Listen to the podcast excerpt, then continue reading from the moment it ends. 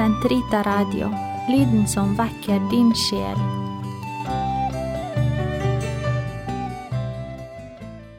Pilegrimsferder før og nå I jubileumsåret 2000 dro jeg på valfart til Santiago de Compostela. Året før hadde jeg slitt meg frem som pilegrim fra Hjerkinn til Nidaros. Den spanske valfarten var langt mer behagelig, for her lå refugiene, altså pilegrimsherbergene, som perler på en snor med halvannen mils avstand. Hele atmosfæren blant de fastboende ånder av vennlighet, forståelse og solidaritet overfor oss pilegrimer. Jeg ble solblind på turen og måtte to ganger besøke øyeleger. De nektet å ta imot honorar for behandlingen, for jeg var en pilegrim. Etter denne fantastiske opplevelsen skrev jeg det følgende om valfarter før og nå. Ikke-kristne valfarter Allmennmenneskelige valfarter Når en mor dør, kan de etterlate føle trang til å oppsøke det sted hun ble født og vokst opp. Hus, omgivelser, sanseinntrykk og mennesker formidler noe av morens vesen, hvem hun var. Nettopp der, på det stedet, ble moren mer nærværende enn andre steder. Hedenske valfarter I hedensk tid dro man på valfart til personifiserte naturkrefter som hersket over spesielle områder. Man dro til elven for å oppsøke vannvetter, man dro til kilden for å få hjelp av kildevetter. Man dro til fjells for å komme nærmere himmelgudene, i antikken hadde folkene i Lilleasia, Egypt og Hellas tallrike helligdommer som de valfartet til, steder hvor gudenes nærvær og kraft opplevdes som mer virksom enn på andre steder. Muslimske valfarter Muslimenes hellige by Mekka, hvor Mohammed ble født, gjester årlig hundretusener av pilegrimer som besøker moskeen El Haram med Kaaba og Den hellige sorte sten. Uten spesiell tillatelse er det ikke lov for kristne å oppholde seg i byen. Jødiske valfarter Jødene valfartet til tempelet i Jerusalem. I denne helligdommen hadde Herren lovet å være til stede for sitt utvalgte folk, og da sterkere enn på noe annet jordisk sted. En rekke av de gammeltestamentlige salmene som har fått innpass i våre tidebønner, ble sunget av jødiske pilegrimer på vei opp mot tempelet. Kristus, som den troende jøde han var, valfartet hvert år sammen med Maria og Josef til tempelet for å feire den jødiske påske. Pilegrimsvandringer i middelalderen Steder veien førte til Kristne har trolig valfartet til Jerusalem helt siden pinsefesten. Historien navngir enkeltpersoner, men det var nok først etter at keiser Konstantins mor Helena i år 325 besøkte de hellige steder, at tilstrømningen til det land som hadde vært skueplass for Jesu fødsel, liv, død og oppstandelse, økte enormt. Et halvt århundre senere, en gang mellom 381 og 384, er det en annen tøff kvinne, Egeria heter hun, som legger ut på den farefulle reisen til Det hellige land. Avreisen skjer høyst sannsynlig fra Frankrike. Hun kommer til Konstantinopel og legger veien derfra gjennom Lille-Asia til Syria og derfra til Palestina. Hun besøker alle de hellige steder Bibelen beretter om. Hun legger så ut på en vandring gjennom Sinai-ørkenen, hvor hun studerer israelittenes vandringer på vei til det land som fløt av melk og honning. Hun når så frem til Egypt, hvor hun gransker nøye de stedene hvor Abrahams etlinger trellet under faraos åk. Det kan gi spinnesiden noe å tenke på at det altså var to uforferdede kvinner fra Europa som ved sine eksempler og beretninger fikk valfarten til Det hellige land til å blomstre for alvor. I denne forbindelse er det interessant å legge merke til at under hele middelalderen var det nesten like mange kvinner som la ut på langvalfarter som menn, på tross av alle farer de utsatte seg for. Men ikke alle hadde tid og ressurser til å foreta den farefulle reisen over land og hav til Palestina. Så dro de i stedet til steder hvor hellige mennesker hadde fulgt Jesu eksempel og ved sin martyrdød vitnet om troens sannhet. Fremme ved graven falt det naturlig for pilegrimene å be det døde trosvitnet gå i forbønn for seg og alle som sto dem nær. Det kom med sine sykdommer, sorger og bekymringer. Mange ble helbredet, andre fikk trøst og styrke til å bære sine lidelser. Helst ville de valfarte til apostlenes graver i Roma. Her kunne de knele og be på steder hvor Peter og Paulus lå begravd, omkranset av talløse graver til andre martyrer. Også pilegrimer fra Norge tok, straks etter kristendommens innføring i landet, til valfarte både til Jerusalem og Roma. Hellig Olavs skald Sigvat var på vei fra Roma da han hørte om kongens død på Stiklestad. Olavs banemann Tore Hund gikk etter slaget på pilegrimsferd til Jerusalem. Var det en botsferd? Fra denne valfarten kom han aldri tilbake. Islandske sagaer er heller ordknappe når det gjelder kristendommens innførelse på sagaøya, men i Njåls saga leser vi om bygdehøvdinger som noen år etter at kristendommen var vedtatt på Alltinget, dro på sydferd, et stående uttrykk for pilegrimsreise til Roma. Flose Tordsson, som ledet drapet på Njålsønnene, ble dømt til sydferd av sine fiender. Kåre Sølmulsson, en stor viking og drapsmann, dro på eget initiativ på botsferd til Romaborg og fikk absolusjon av paven selv, leser vi. Etter hvert skulle valfartsstedene bli tallrike. Det kunne dreie seg om en kirke med en undergjørende statue av jomfru Maria, eller en annen helgen, eller et kapell hvor en tvilende prest en gang hadde opplevd at hostien han holdt i hendene tok til å blø, eller en skoglund hvor Maria hadde vist seg for de troende, eller til et sted hvor Guds bestemte venner hadde lidd martyrdøden. Norge fikk også et valfartssted av europeiske dimensjoner, til Nidaros, hvor hellig Olav lå skrinlagt i domkirken, dro tusener av pilegrimer hvert år. I alle europeiske land tok man til å skjelne mellom korte, oftest lokale pilegrimsferder og lange farefulle. Til den siste kategorien hørte Jerusalem, Roma, Santiago de Compostela og Nidaros. Motiver for å legge ut på veien det viktigste motivet for å legge ut på en valfart var å bli helbredet for sykdommer. I en pilegrimsfører fra 1100-tallet leser vi om pilegrimer som etter den lange vandring har nådd frem til Santiago. Blinde skjenker han Gud synet, stumme gir han talens bruk, lamme går, besatte blir befridd fra onde ånder. Pilegrimene var fast overbevist om at det var ved apostelen Jakobs forbønn at Gud gjorde alle disse undergjerninger. Gjør vi nå et hopp nordover til Nidaros, hører vi lignende ord fra Snorre der han skildrer det som hendte ved Hellig Olavs skrin i Nidaros. Vi leser Til den hellige Olav kom det så mange mennesker at det var som en hær, halte eller blinde eller folk som var syke på andre måter, og de gikk friske derfra. Passio Olavi kan berette mer utfyllende om slike helbredelser. Andre pilegrimer dro til de store valfartssteder for å gjøre bot for sine synder. Boten kunne være pålagt av prest eller biskop etter et skriftemål, angrende mordere og andre urostiftere kunne bruke år av sitt liv på valfartet til Roma, Nidaros og Santiago.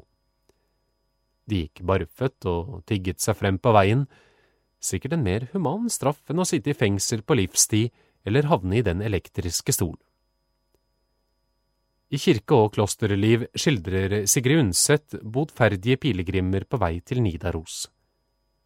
Ugjerningsmenn fra England, Frankrike og Spania kommer, de har gått botsgang fra valfartssted til valfartssted, smidd i lenker med mordersverdet hengende på seg. Ved Olavs grav springer lenkene, og sverdet faller på gulvet. Slike botsferder kunne man også velge frivillig. Middelaldermennesket syndet vel like mye som vi gjør i dag, men synsbevisstheten var forskjellig. Vi legger et unnskyldende teppe over det meste. Middelaldermennesket syndet, angret, skriftet, gjorde bot, ja, dro gjerne på botsferd hvis anledningen bød seg. Andre dro til hellige steder for å oppfylle et løfte. Columbus lovet Gud under en forrykende sjøstorm å dra på pilegrimsreise til en mariahelligdom som takk for hjelp i havsnød, og dette løftet holdt han. Noen lengtet etter å dra til de store valfartssteder, men var forhindret i å dra selv fordi det var syke, gamle eller pliktbundne til hjemstedet. Så ba vedkommende en annen gå i sitt sted, og utstyrte stedfortrederen med klær og penger. For den syke som søkte helbred og den botferdige som tryglet om Guds miskunn, var valfartsmålet det viktigste, ikke vandringen som sådan. Det var ved målet i helligdommen at helbredelser skulle skje og det botferdige sinn falle til ro. Oppbruddet Pilegrim var man fra det øyeblikk man hadde bestemt seg for å legge ut på vandringen. Før oppbruddet var det mye som måtte gjøres og forberedes, fordi langvallfarter var så farefulle måtte testamentet skrives og ansvar for gårdsdriften overføres til ektefelle eller barn. Man søkte etter beste evne kunnskaper om den ruten man ville gå, de ubemidlede måtte låne penger av slekt og venner.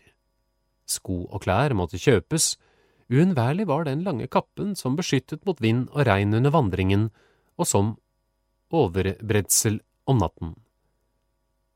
Den bredbremmede hatten beskyttet ansiktet mot solen og forhindret regnet fra å sile ned i nakken. Staven ga støtte når man vandret i fjellet eller vadet over strie elver, dessuten var den et hendig våpen mot ville dyr og landeveisrøvere. Oppakningen bar man i en skulderveske, her gjaldt den gylne regel å ta med så lite som mulig og så mye som nødvendig. Penger og viktige skriv oppbevarte man i en pung eller gjemte dem i beltet eller i skosålene. Til viktige dokumenter hørte et anbefalingsbrev fra sognepresten, reisepass, senere også en helseattest. Også i åndelig forstand måtte man beskikke sitt hus. Gammelt fiendskap måtte slettes, gjeld betales. Like før avreisen avla man et grundig skriftemål, tok del i en pilegrimsmesse for så til slutt å motta kirkens velsignelse over veske, stav og pilegrimen selv. De som dro på valfart nedover i Europa, var unge voksne, gamle, syke, friske, kvinner og menn. Minst 40 prosent av pilegrimene var kvinner. Veien som sådan i en tysk pilegrimsbok står følgende Pilegrimsferden er arbeid. Vi kan i dag knapt forestille oss det blodslit pilegrimer til fots måtte utholde og hvilke farer de utsatte seg for på en langvalfart. Sult, tørste, hete, kulde, tretthet, sykdom og død har alltid vært menneskenes følgesvenner. Slike lidelser økte enormt under en langvalfart, Pilegrimen måtte kjempe seg frem i alt slags vær, i storm og øsende regn, i snø og hagl, dyvåte og skjelvende av frost måtte de overnatte utendørs eller i iskalde herberger uten noen form for komfort. På ferden måtte pilegrimene dele sine lidelser med samfunnets mer og mindre utstøtte, som landstrykere, spillemenn, gjøglere, sigøynere. Disse hevnet seg lett på pilegrimene over urett de selv hadde lidd i samfunnet. Her var det duket for mange konflikter, farer lurte under hele ferden. I tett tåke kunne vandreren gå seg vill i fjellovergangene og styrte utfor stupet. Under flom og snøsmelting kunne det være livsfarlig å krysse elver. På ubebodde strekninger, særlig de store skogene, kunne røvere ligge i bakhold for så å angripe den intetanende vandrer. Vi har tallrike beretninger om pilegrimer som er blitt berøvet penger og klær så de måtte tigge seg frem til målet, om andre som ble skamslått, kvinner som ble voldtatt, hele følger av pilegrimer som ble tatt til fange med krav om løsepenger. Farligst var nok ferden til Jerusalem, særlig seilasen over Middelhavet fra Venezia til den palestinske havnebyen Akon. Skipene kunne bli kapret av muslimske sjørøvere under overfarten, og alle om bord solgt som slaver.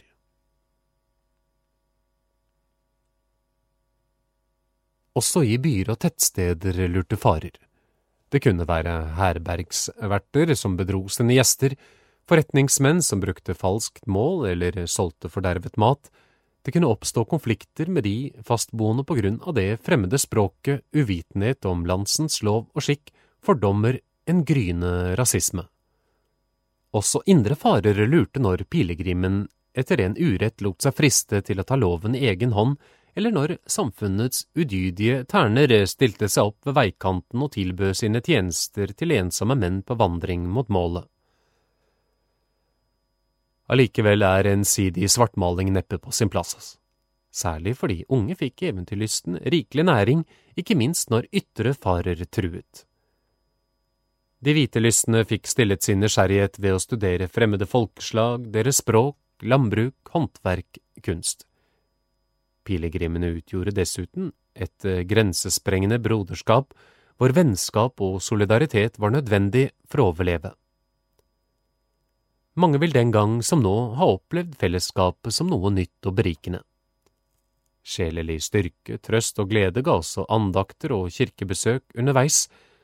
Dessuten må vi være klar over at det kristne middelaldermennesket hadde et annet forhold til lidelser enn vi i dag. Det var godt i blod på dem at botsgjerninger, det å lide med Kristus, kom både dem selv og hele kirken til gode. Slike tanker som for oss er blitt tørr teologi, dessverre, var for middelaldermennesket en inngrodd kristen praksis. Slik kunne en pilegrim finne glede selv i de verste lidelser. Målet som tidligere nevnt, målet er det viktigste ved middelalderens pilegrimsferder. La oss nå bruke fantasien. Siste etappe på ferden står for tur. Slitne og lykkelige er hvalfarerne nådd frem til Mons Gaudi, Gledesberget.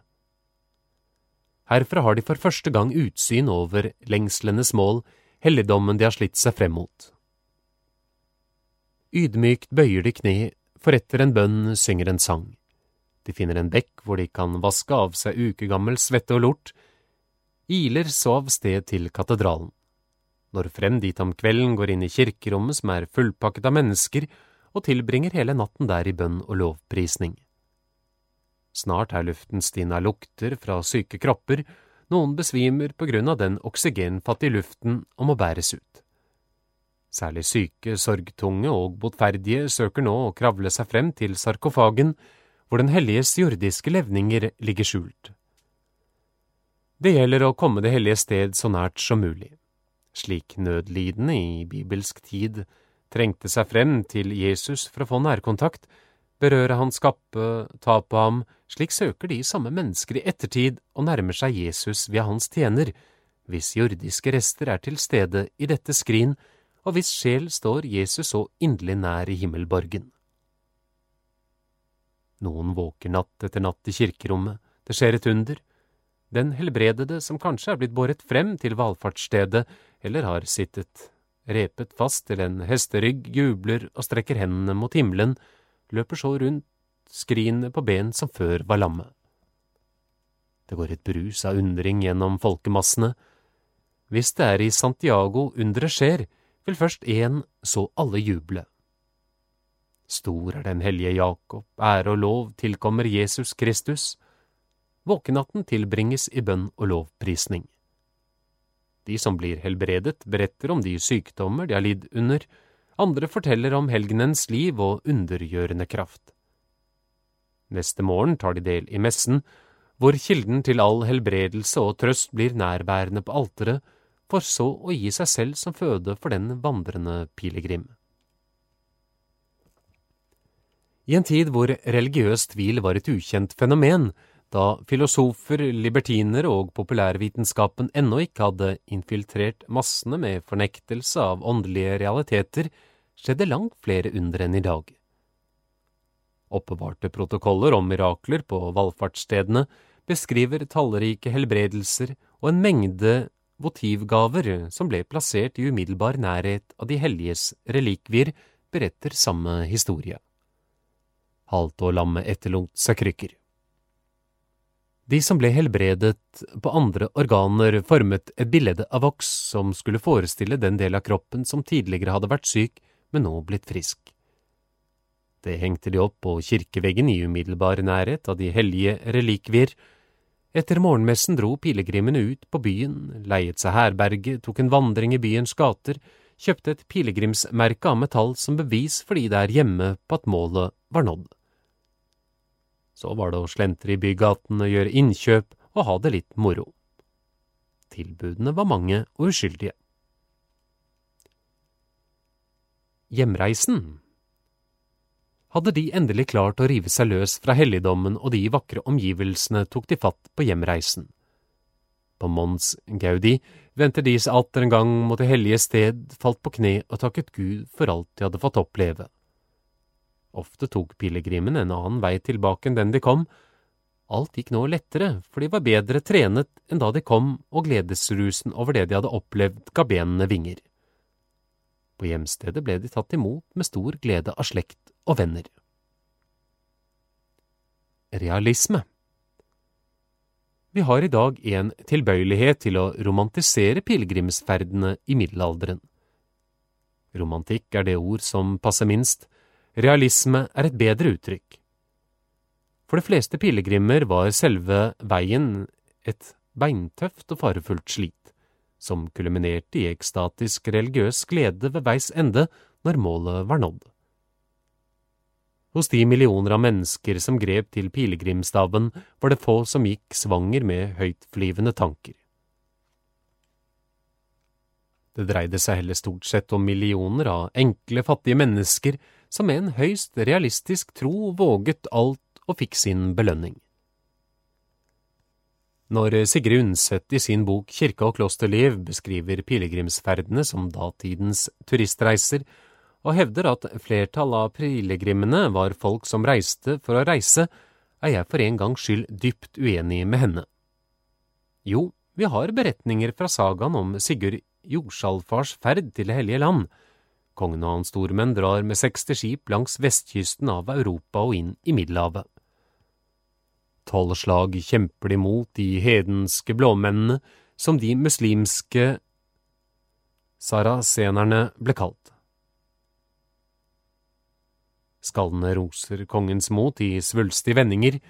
Kong Balduin av Jerusalem gir norskekongen en fyrstelig mottagelse.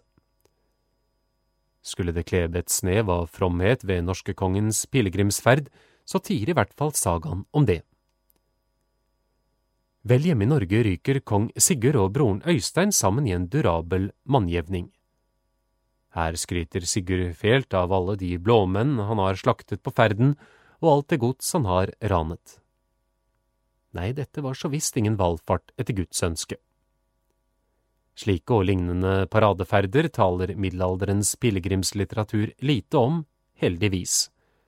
Nei, europeisk valfartslitteratur beretter heller om fattige bønder underernærte leilendinger, byens fattige håndverkere som måtte låne penger av slekt og venner eller tigge seg frem på den vågale ferd som mange aldri vendte tilbake fra. Forfatterinnen Ragnhild Magerøy har skrevet en trilogi om en norsk valfart til Det hellige land i år 1230. Første bok heter De som dro suder, andre Den lange vandringen, siste Jordsal. Det får så være at forfatterinnen bommer noen ganger om teologi og kirkerett, og allikevel, bøkene er etter mitt skjønn knakende gode. Magerøy sitter inne med store historiske kunnskaper, hun aner intuitivt noe om det kristne paradoks at mennesket er hellig og syndig på en og samme tid. Hennes pilegrimer blir skildret med krass realisme, dyp fromhet og menneskelig svakhet går hånd i hånd. To utenomekteskapelige barn blir avlet på ferden, de lever jo så tett sammen. Forfatterinnene skildrer med innlevelse den fromme synder som angrer, skrifter gjør bot som sender sine oppriktige bønner til Allfaderen, og dag for dag med brennende lengsel sliter seg frem mot målet Jerusalem, hvor Gud døde for manneheimen og sprengte dødens grenser ved sin oppstandelse. Den katolske kirkes holdning til valfarter i middelalderen. Den katolske kirkes holdning til pilegrimsferder har gjennomgående vært positiv hva sak angår.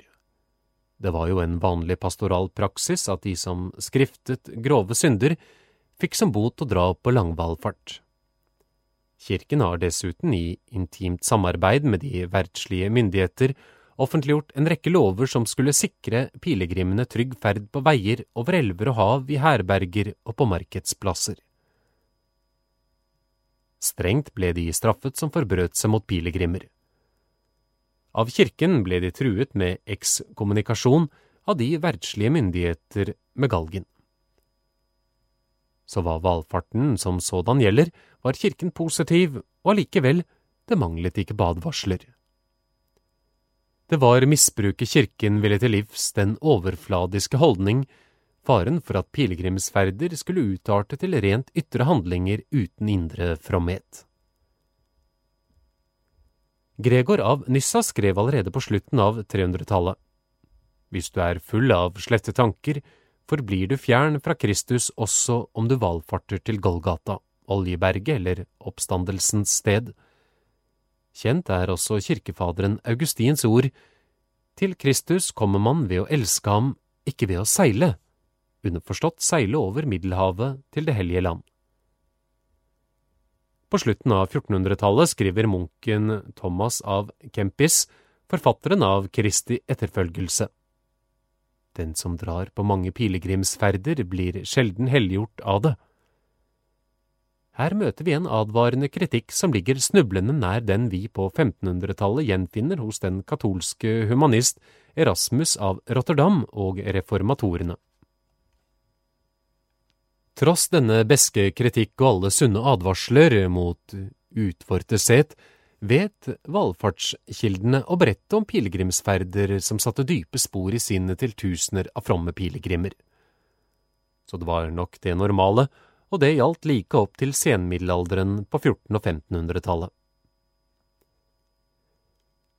Det var nå først ved utgangen av middelalderen at både kirke og stat rettet den skarpeste kritikken mot pilegrimsferder. 1500-tallet, reformasjonens århundre, var mørkelagt av kriger, tyrkerfaren, pest, kirkelig forfall, et avlatsvesen i forfall, overtro, heksefrykt, relikviekult, utvortes gjerningsfromhet. Men heller ikke her er ensidig svartmaling på sin plass. Forfallet må ikke generaliseres.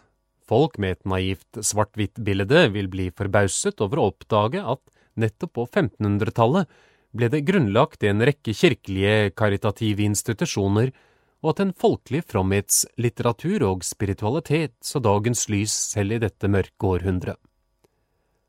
Samtidig må det ikke skyves under en stol at forfallet var til å ta og føle på. Dette satte som ventelig var også sitt preg på valfartsvesenet. Kritikken ble etter hvert massiv. Det ble sagt om menn som dro på valfart at de forsømte sitt arbeid, sviktet sine plikter som ektemenn og i oppdragelsen av barna. At kvinner som ble alene hjemme ble lette offer for døgenikter og omstreifere.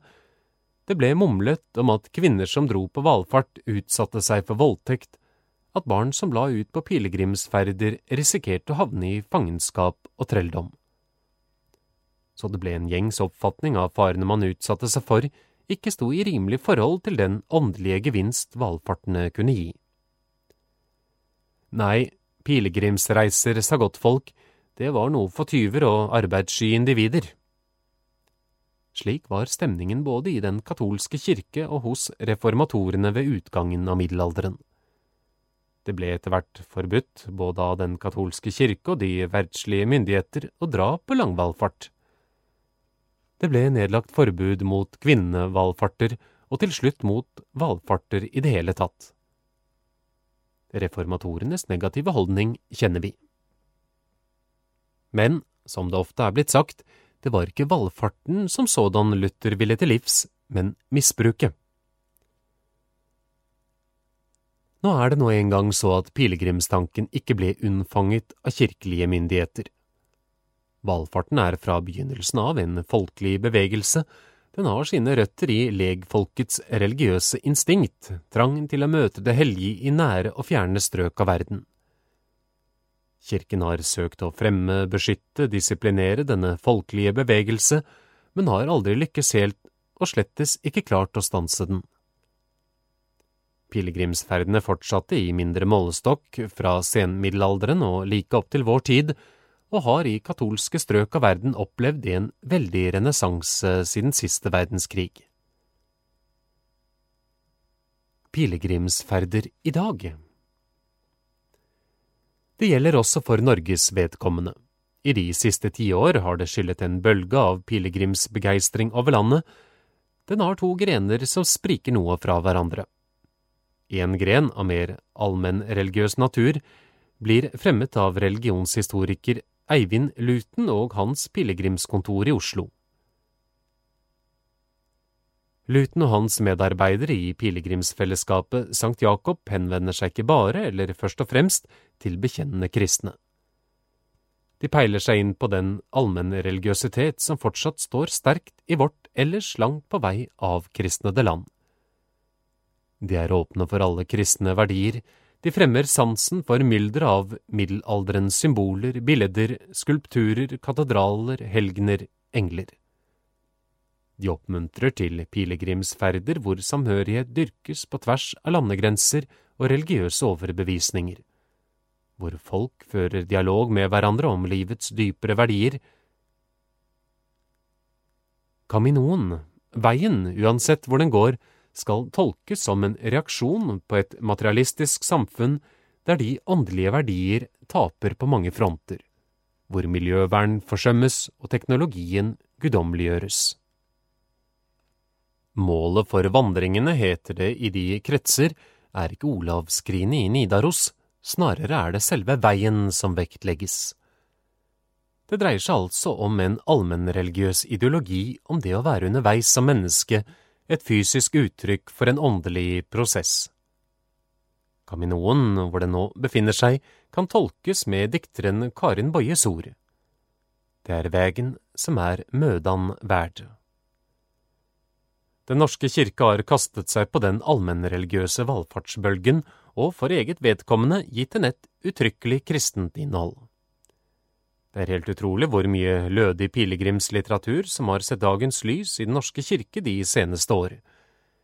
Jeg vil særlig anbefale Kilden og Veiene, Liturgisk senter, Erkebispegården, Trondheim og Pilegrimshåndboka, arbeidsgruppa Pilegrimsvandring i vår tid. Veien det som har skjedd i nyere tid, er at veien, kam i noen, har fått større betydning i åndelig forstand enn den hadde i den tusenårsperioden vi kaller middelalderen. Og det skal vi ikke undre oss over, for i dag er verken korte eller lange valfarter forbundet med overmenneskelig slit. Vi legger i vei godt utstyrt med regntøy, varme klær og kredittkortet i lomma, alt etter form og alder velger vi selv hvor langt vi vil gå. Vi behøver ikke å skjelve av redsel for å møte landveisrøvere, ville dyr og voldtektsmenn. Vi tar med oss telt eller overnatter på hoteller, billige ja, men komfortable med dusj og andre fasiliteter. Dette gjelder veien til Nidaros, men også Caminoen som fører til Santiago. Her ligger refugiene, pilegrimsherbergene, med en mils mellomrom som perler på en snor. Man betaler en slant eller ingenting, finner en sengeplass, trasker over til baren hvor man kan slukke tørsten, for så litt senere på ettermiddagen å flytte over til et annet rom, El Comedor, restauranten med billig, men god mat og vin. Nei, veien byr ikke i dag på de farefulle strabaser som middelalderens pilegrimer opplevde. Til gjengjeld er veiens religiøse betydning blitt sterkt opptrappet. Veien er blitt spiritualisert, åndeliggjort. I moderne valfartslitteratur blir det fremhevet, ofte med dikterisk tyngde, at den ytre pilegrimsferden er et bilde på sjelens indre pilegrimsvandring mot det himmelske mål. Vi blir født inn i denne verden med en iboende pilegrim i oss. Gud ga oss det urolige hjertet som fødselsgave i en iboende åndelig lengsel i oss. Vi ble skapt til Guds bilde, og bildet roper uavlatelig etter kunstneren som skapte oss. Den enkeltes åndelige pilegrimsvandring er enestående og forskjellig fra individ til individ. De talenter jeg fikk og den situasjonen Gud kastet meg inn i, er startstreken for min helt personlige pilegrimsvandring. Det gjelder å lytte til Herrens røst i vårt urolige hjerte, karre oss gjennom verdens krattskog, unngå farlige sideveier som leder oss vill, se Guds speilbilde, finne hans spor i naturens skjønnhet, storhet, vishet, ta vare på moder jord, kjempe mot forsøpling av Guds rene skaperverk. Vi skal søke å finne likesinnede venner under vår vandring, vi er jo brødre og søstre på vei mot det samme mål. Vi skal våge oppbruddet fra denne verdens bedragerske illusjoner, ta vandringsstaven i hånd, legge alle bekymringer, det stressede sinn, jag etter mammon, velstand og prestisje bak oss. You can't take it with you, eller annerledes uttrykt, likskjorta har ingen lommer, eller som Jobb uttrykker det, naken kom jeg fra mors liv, naken vender jeg tilbake. Jesus sier, Hvor din skatt er, der vil også ditt hjerte være. Slike og lignende tanker myldrer det av i moderne valfartslitteratur. Veien har som symbolkraft fått en stigende betydning i vår tid. Det mangler da heller ikke på anvisninger til litterære forbilder. Vi henviser til Dante som i sin Divina Commedia gjør en åndelig pilegrimsreise gjennom Inferno, purgatorium, for endelig å nå frem til Visio Beautifica på toppen av det himmelske fjell. Hans venninne Beatrice, som er den legemliggjorte kjærlighet, leder ham uten hans vitende skritt for skritt på oppstigningens vei. Den moderne pilegrim blir videre oppmuntret til å lese Pilegrims vandring av den engelske puritaner John Bunyan. Vi befinner oss på midten av 1600-tallet. Etter å ha sittet i fengsel i tolv år fordi han, som Hans Nilsen Hauge, våget å forkynne evangeliet for folk uten å være ordinert til prest, altså som legmann, skriver han den boken som, blir det sagt, nest etter Bibelen skal være lest av flest mennesker. Han foretar en åndelig pilegrimsreise gjennom livet. Med utrolig psykologisk skarpsinn skildrer han alle de indre og ytre farer og fristelser pilegrimen må unngå for ikke å avvike fra den smale vei som fører gjennom den trange port. Personlig følte jeg meg litt shaky etter lesningen. Jeg vil kun anbefale den til mennesker med robust syke. Er det da kun en promille som når frem til målet? Leser vi ikke i Den hellige skrift at Gud vil at alle mennesker skal bli salige? Og hva Gud vil, det får vi da tro at han makter. Det måtte da være at vi kjempet imot og gjorde oss døve for det Newman i sin pilegrimssalme kaller milde ljos som leider oss gjennom Skodheim og myrker natt, så vi til sist får oppleve at ein morgon renn og blir saliggjort i synet av engle og syn blid. De som ønsker å dra på pilegrimsferd, blir også henvist til en russisk pilegrimsberetning skrevet av en ukjent forfatter. Jo, dette er fascinerende lesning.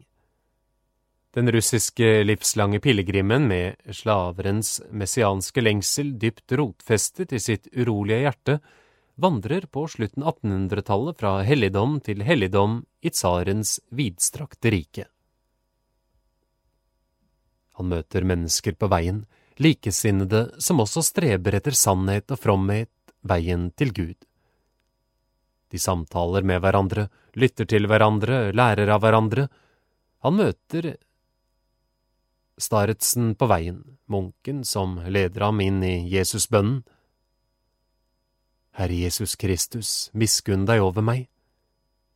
En bønn som inneholder hele evangeliet.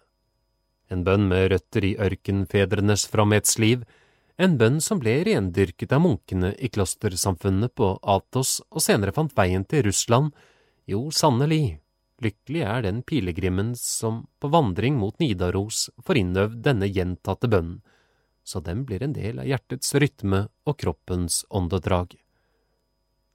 Også i denne boken er det veien som er viktigst, veien som et bilde på sjelens vandring mot Gud. Etter alle disse høytflyvende tanker føler jeg meg fristet til å helle litt malurt i det spirituelle beger.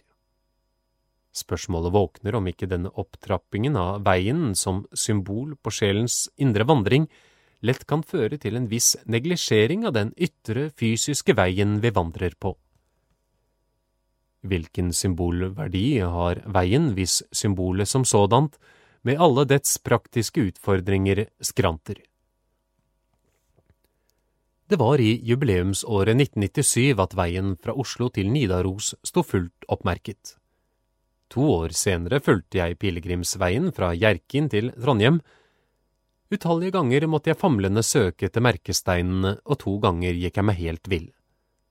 Det hadde grodd mose og gress over merkesteinene, som to år tidligere under jubileet hadde vært klart synlige. Verst var det faktisk i Bymarka, nærmeste nabo til Nidarosdomen. Den norske kirke kan ikke direkte klandres for dette. Det var Direktoratet for naturforvaltning og Riksantikvaren som fikk i oppdrag å stake ut pilegrimsveien. Men vedlikeholdet ble pålagt kommunene som veien løp igjennom. Noen av dem skjøtter sin oppgave vel, andre svært dårlig. Spørsmålet er om ikke valfartsinteresserte kristne fra alle konfesjoner, gjerne i samarbeid med pilegrimsfellesskapet Sankt Jakob, kunne opptre som en massiv pressgruppe overfor kommunene. Etter en pilegrimsvandring til Santiago i år 2000 fikk jeg en drøm. Enn om pilegrimsleden til Nidaros fikk tilnærmelsesvis like mange overnattingssteder som den tusen år gamle veien til den spanske valfartsbyen. Her bør uttrykkelig nevnes at pilegrimsfellesskapet Sankt Jakob ved Luten og Robberstad har lagt seg beundringsverdig i selen for å bøte på den fatale mangel på husly langs ruten gjennom Gudbrandsdalen til Nidaros. De har utgitt et lite hefte med opplysninger om billige overnattingssteder på veien, jeg ser at av et rikt tilbud på 90 hoteller, hytter og campingsteder er det bare to overnattingssteder med klart kristent fortegn. Jeg undrer meg atter en gang om vi ikke i vår kristne leir har spiritualisert og overspiritualisert veien til slike høyder at vi har forsømt veiens rent fysiske dimensjon. Vi mennesker er nå engang ikke bare ånd og sjel, vi har også en kropp som trenger åtte timers søvn i døgnet. Et hastig overslag over overnattingspriser i henhold til omtalte hefte viser at en pilegrimsvandring fra Oslo til Trondheim med overnatting, mat og løpende utgifter ville beløpe seg på ca 10 000 til 12 000 kroner. Og det er for mye for en ungdom i skolepliktig alder, for studenter og minstepensjonister som meg. Spørsmålet melder seg om ikke norske pilegrimsengasjerte kan tre støttende og utfyllende til det arbeid som Luton og hans medarbeidere har utført. Kunne vi ikke ta initiativet til å stille kirkelige bygninger til disposisjon for overnatting, gjerne som ved refugiene i Spania, betjent av frivillige? Pilegrimsveien går jo gjennom en rekke sogn hvor det står kirker med tilliggende menighetslokaler og bedehus. Her kunne det legges ut skumgummimadrasser tett i tett, så det kunne bli gitt plass for ekte pilegrimer som nøyer seg med det enkle og spartanske. Som takk for tjenesten legger pilegrimen igjen en tier eller en femtilapp, alt etter lommebokens størrelse. Det kunne også settes opp lavvoer, tolvmannstelt, primitive hytter. I middelalderen ble det fra kirkelig hold innskjerpet at det var Kristus selv man viste gjestfrihet når man åpnet døren for en pellegrinus, en fremmed vandringsmann. Målet Jeg har hittil brukt uforholdsmessig lang tid på å skildre veien. Men hva så med målet? En vei uten mål er en torso, et endeløst mareritt, i en begrepsmessig selvmotsigelse, det ligger i jødisk-kristen menneske- og verdensomfatning at kosmos og menneske som mikrokosmos utvikler seg mot et endelig mål. Vi tar avstand fra den hinduistiske tanke om universets evige, gjentatte, målløse kretsløp, Vi går målbevisst og målrettet også når vi valfarter. For middelalderens pilegrimer var målet alfa og omega. For dagens pilegrimer vil veiens symbolske og spirituelle betydning eh, frata målet noe av dets glans. Når det er sagt, bør det straks føyes til at målet er av stor, for ikke å si største betydning for pilegrimer også i vår postmoderne tid. Nå vil protestanter og katolikker lett ryke litt broderlig i tottene på hverandre når det gjelder Nidaros som mål. I middelalderen sto Hellig Olavs skrin lett synlig bak høyalteret. Syke, lamme, blinde, døve, sorgfulle og botferdige ildgjerningsmenn søkte frem til helligdommen for å be Norges evige konge gå i forbønnen for seg. Så tok man del i messen hvor Hvitekrist, kongenes konge, gjorde sitt Golgata-offer ublodig nærværende på alteret og bød seg frem som mat og drikke i den hellige kommunion. Det er og forblir en kirkelig og nasjonal skam at danske menn på 1500-tallet på danskekongens befaling og i nattens mulm og mørke kastet de hellige relikvier i en ukjent grav, som så ble skuflet igjen for at ingen i all fremtid skulle vite hvor han lå. Som det het på den tid, denne hedenske skikk hadde å opphøre. Slik skulle hellig Olav unndras all offentlig venerasjon. Ikke engang en beskjeden inskripsjon røper hvor han ligger gravlagt. Hadde kjeltringer i vår tid røvet liket til hans navnebror, vår nylig avdøde folkekonge kong Olav den femte, ville et ramaskrik ha runget i det norske folk. Politiet Almø ville gått mann av huset og ikke falt til ro før graven ble funnet og liket fått tilbake sin hedersplass i Slottskirken. Hvorfor gjør vi ikke noe for å gjenfinne Sankt Olavs uråtnede legeme i domen? En over 400 år gammel trondhjemsk tradisjon vet endog å berette hvor i høykoret han ligger begravd. La gjerne hans legeme få hvile i fred, men la oss få vite hvor han ligger. Faren for at en katolsk pilegrimsbølge da ville skylle inn over katedralen, bygger på fri fantasi, i all pilegrimslitteratur blir valfartens jordiske mål forstått som et symbol på visio beatifica, den salige Guds beskuelse i himmelborgen. Men også her er det viktig at symbolikken ikke skjer på bekostning av symbolet. Det må ikke så til de grader fokuseres på det åndelige målet at symbolet, altså Olavstradisjonen, glemmes og helgenkongens grav skjendes. Men la nå dette temaet fare. Nidarosdomen er Hellig Olavs gravkirke, det står fast.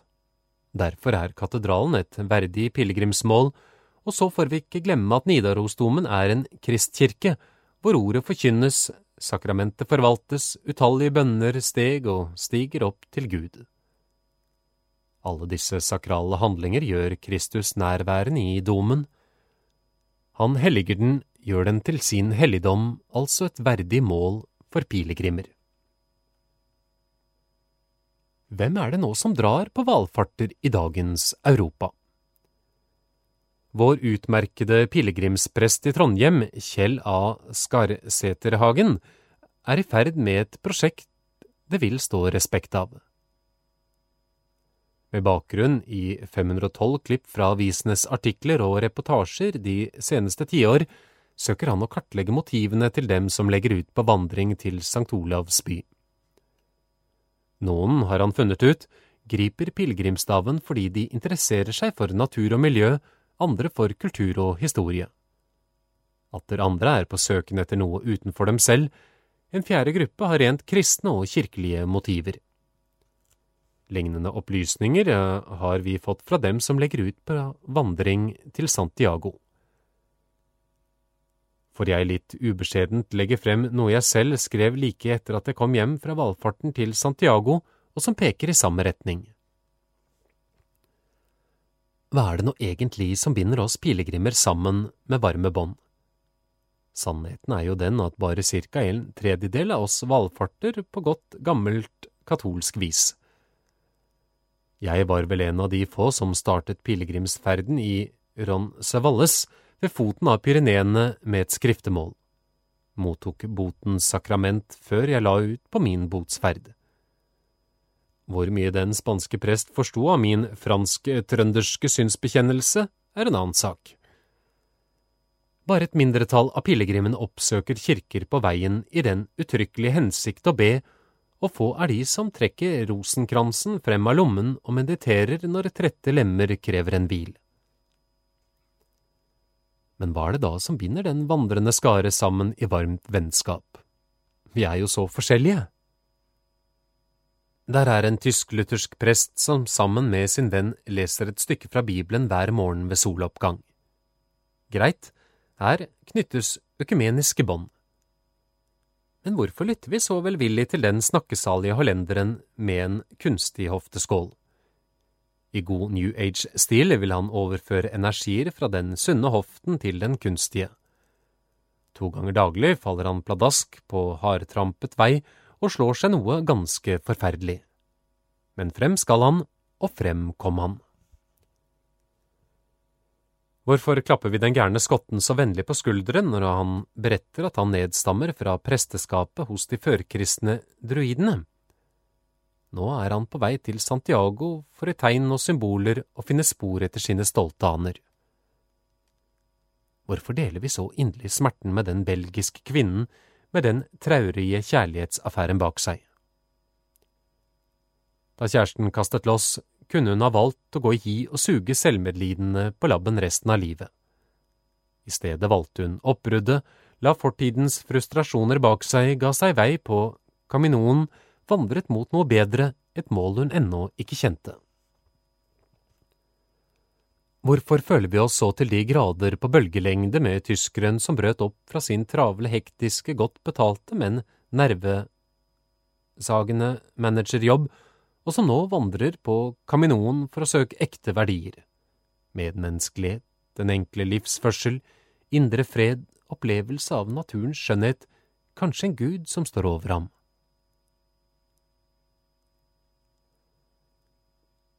Når vi så om ettermiddagen når frem til et av de etterlengtede, råbillige refugiene, pilegrimsherberger, hvor seng med centimeters avstand står ved siden av seng så langt øyet rekker, hva er det da som skaper den vennlige atmosfæren som får oss til å plastre hverandres gnagsår og bannlyse enhver bjeffing?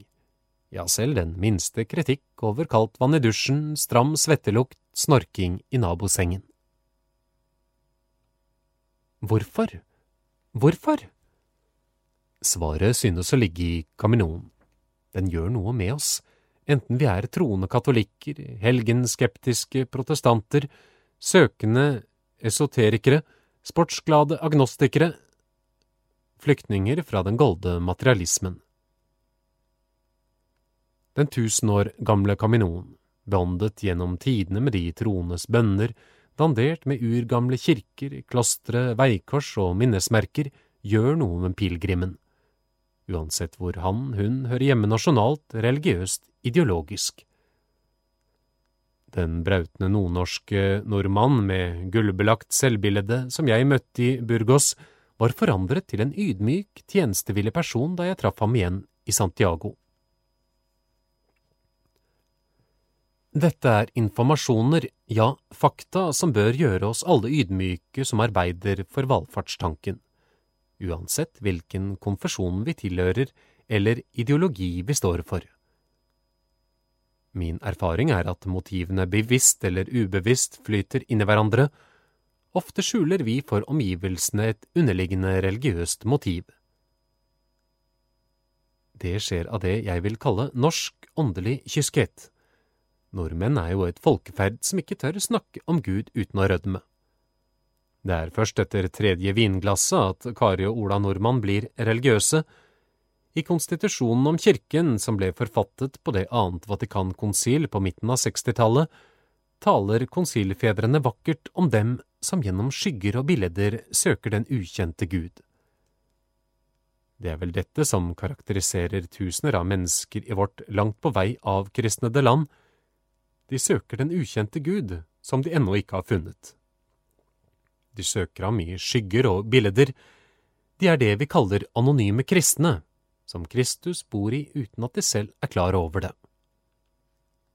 Erik Bye skriver Vi skaptes til å søke, vi fødtes til å gå, mot mål som vi kan ane, men aldri helt forstår.